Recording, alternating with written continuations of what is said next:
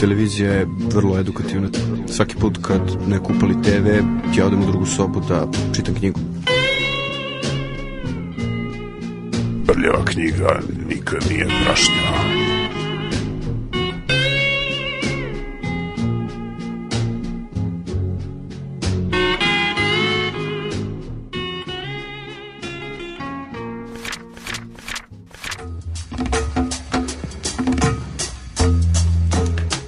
Svaka sre, svako, e, svake srede sve više zanimljivo. Pa da, Tako možemo reći. u Radio Galaksiji. U Radio Galaksiji. Na novom Radio Beogradu. Jeste. Koji A, još uvek nema frekvenciju. FM frekvenciju. Da. Ali zato ima worldwide internet frekvenciju. Da, ima ovu 0.1 frekvenciju. Da, kombinaciju 01 frekvencija, a danas knjiga koju će pred, predložiti za čitanje, tako možemo da kažemo. Jeste, svakako preporučujemo kao i sve druge u našoj ne, u, u, u, e, u ovoj našoj ediciji. E, dakle, hajde tako da se Može, izrazim. edicija Radio ovaj, virtualnoj, da. Ema, a to je, mislim, to je sad govorimo o jednoj spisateljici, hajde kažem da, ovaj, dakle, i razvijamo i tu, mislim, zove ravnopravnost sa punim pravom, naravno, mislim, zove, a to je Margaret Jursenar. E, Margaret Jursenar je živela tokom većeg dela 20.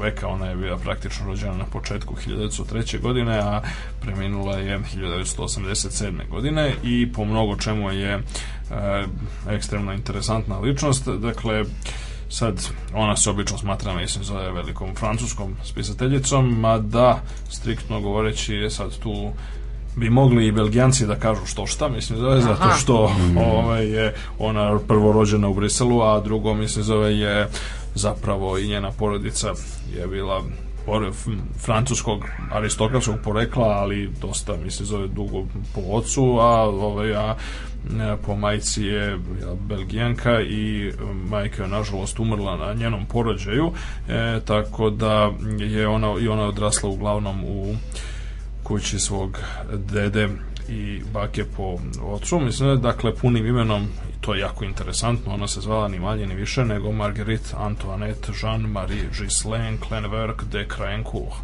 E, a ovaj, sad poznata je li, ovaj, kao Margaret Jursenar, ona je e, prvi roman pod naslovom Alexis napisala 1929. godine, e, a onda je jedno vreme je živela u Sjedinjenim državama, odnosno u Njorku. Uh, 1951. je napravila veliki proboj upravo sa romanom o kojima ćemo reći nešto kasnije, to su Hadrianovi memoari, a e, onda nakon toga napisala još nekih ukupno dvadesetak romana koji je između ostalih raznih priznanja svetskih joj je doneo i članstvo u Francuskoj akademiji nauka kao prvoj ženi za divno čudo, mislim zove u istoriji te institucije. Dakle, ona je bila prvi, prva žena akademik izabrana već u poznoj starosti, mislim zove 1980. godine na To, tome. to na je tome glavni razlog, ta pozna starost.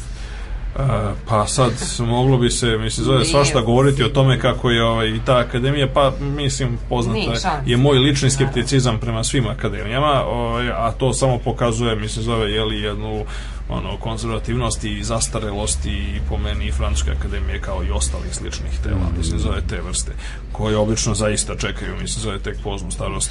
Nije to uopšte šala da bi o, ocenili njihov rad a i sama činjenica mislim zove da su ono diskrim, diskriminirali protiv žena toliko dugo mislim zove već nešto, nešto takođe govori o tome. E, ono što je interesantno mislim zove dakle da e, jedno, jedno da taj dugi deo vremena koji je živela u Sjedinjenim državama, mislim zove je u na jednom ostrvcetu u saveznoj državi Maine, znači na krajnjem severoistoku Sjedinjenih država, tamo se u tom Petit Plezansu, mislim zove tom mestašcetu se nalazi, danas nalazi muzej posvećen, posvećen njoj. E, a što se tiče Hadrianovih memoara, mislim da one, oni su imali čak više izdanja na srpskom, što je jako pohvalno. Uh, 1990. godine je izdavača kuća Nolit pod jeli, upravom i uredništvom Nikole Bertolina, jednog još od ljudi koje treba pomenuti i pohvaliti u svakom pogledu, dakle koji su bili zaista veliki ono uh, entuzijasti onaj pregaoci i ljudi koji su ono doprinali mislim za širenju istinskih kulturnih vrednosti na ovim prostorima je izdala i izabrana dela Margaret Jursenar gde između ostalog u knjizi broj 2 se Hadrian Memoria, ali to nije sve nego i onoj Nolitovoj edici veliki romani, onoj čujenoj edici belo-plavoj koju smo više puta pominjali i koristili do sada, ovaj, se nalazi takođe, mislim zove isti ovaj roman objavljen, mislim zove nešto, nešto ranije. I Hadrianove memoari su, kao što im ime kaže, fiktivna, znači literarna rekonstrukcija izgubljene, inače autobiografije, koja je zaista postojala po svedočenjima antičkih historičara, dakle, Publija Elija Hadriana, imperatora iz dinastije Antonina, dakle koji je vladao na početku drugog veka naše ere i koji je nasledio isto tako čuvenog Trajana, a bio je prethodnik ali ne i otac i to je vrlo bitna karakteristika mislim za dinastije Antonina on je samo usvojio kao svog naslednika i stvorio tu fiktivnu genealogiju sa njegovim naslednikom kome su u verziji Jursenarove upućeni e, upućeni ovim memoari, to jest ona ima oblik pisama koje su koje Hadrian piše svom dakle daljem rođaku i nasledniku, mislim zove Marku, a to je niko drugi nego je imperator Marko Aureli Antonin koji je kasnije postao poznat kao veliki filozof pozno stoičke orijentacije. I sad, u Hadrianovim memorijama se svašta ovaj, opisuju razni detalji koji su istorijski jako dobro verifikovani. Ono zašto je Margaret Jursan, zbog čega je Margaret Jursan izabrala baš to, jeste što u periodu dinastije Antonina postoji jedan mal ne konsenzus, a, još od velikog istoričara Gibona koji je pisao opadanje i slom Rimskog carstva i onda on je napravio tu kao a, jedno poseban posebno pa hajde da kažemo e, optimistično i ono elana i entuzijazma puno poglavlje je posvećeno upravo dinastiji Antonina, odnosno dešavanjima tokom drugog veka naše ere rimske istorije kada je po Gibonu postojalo jedno naj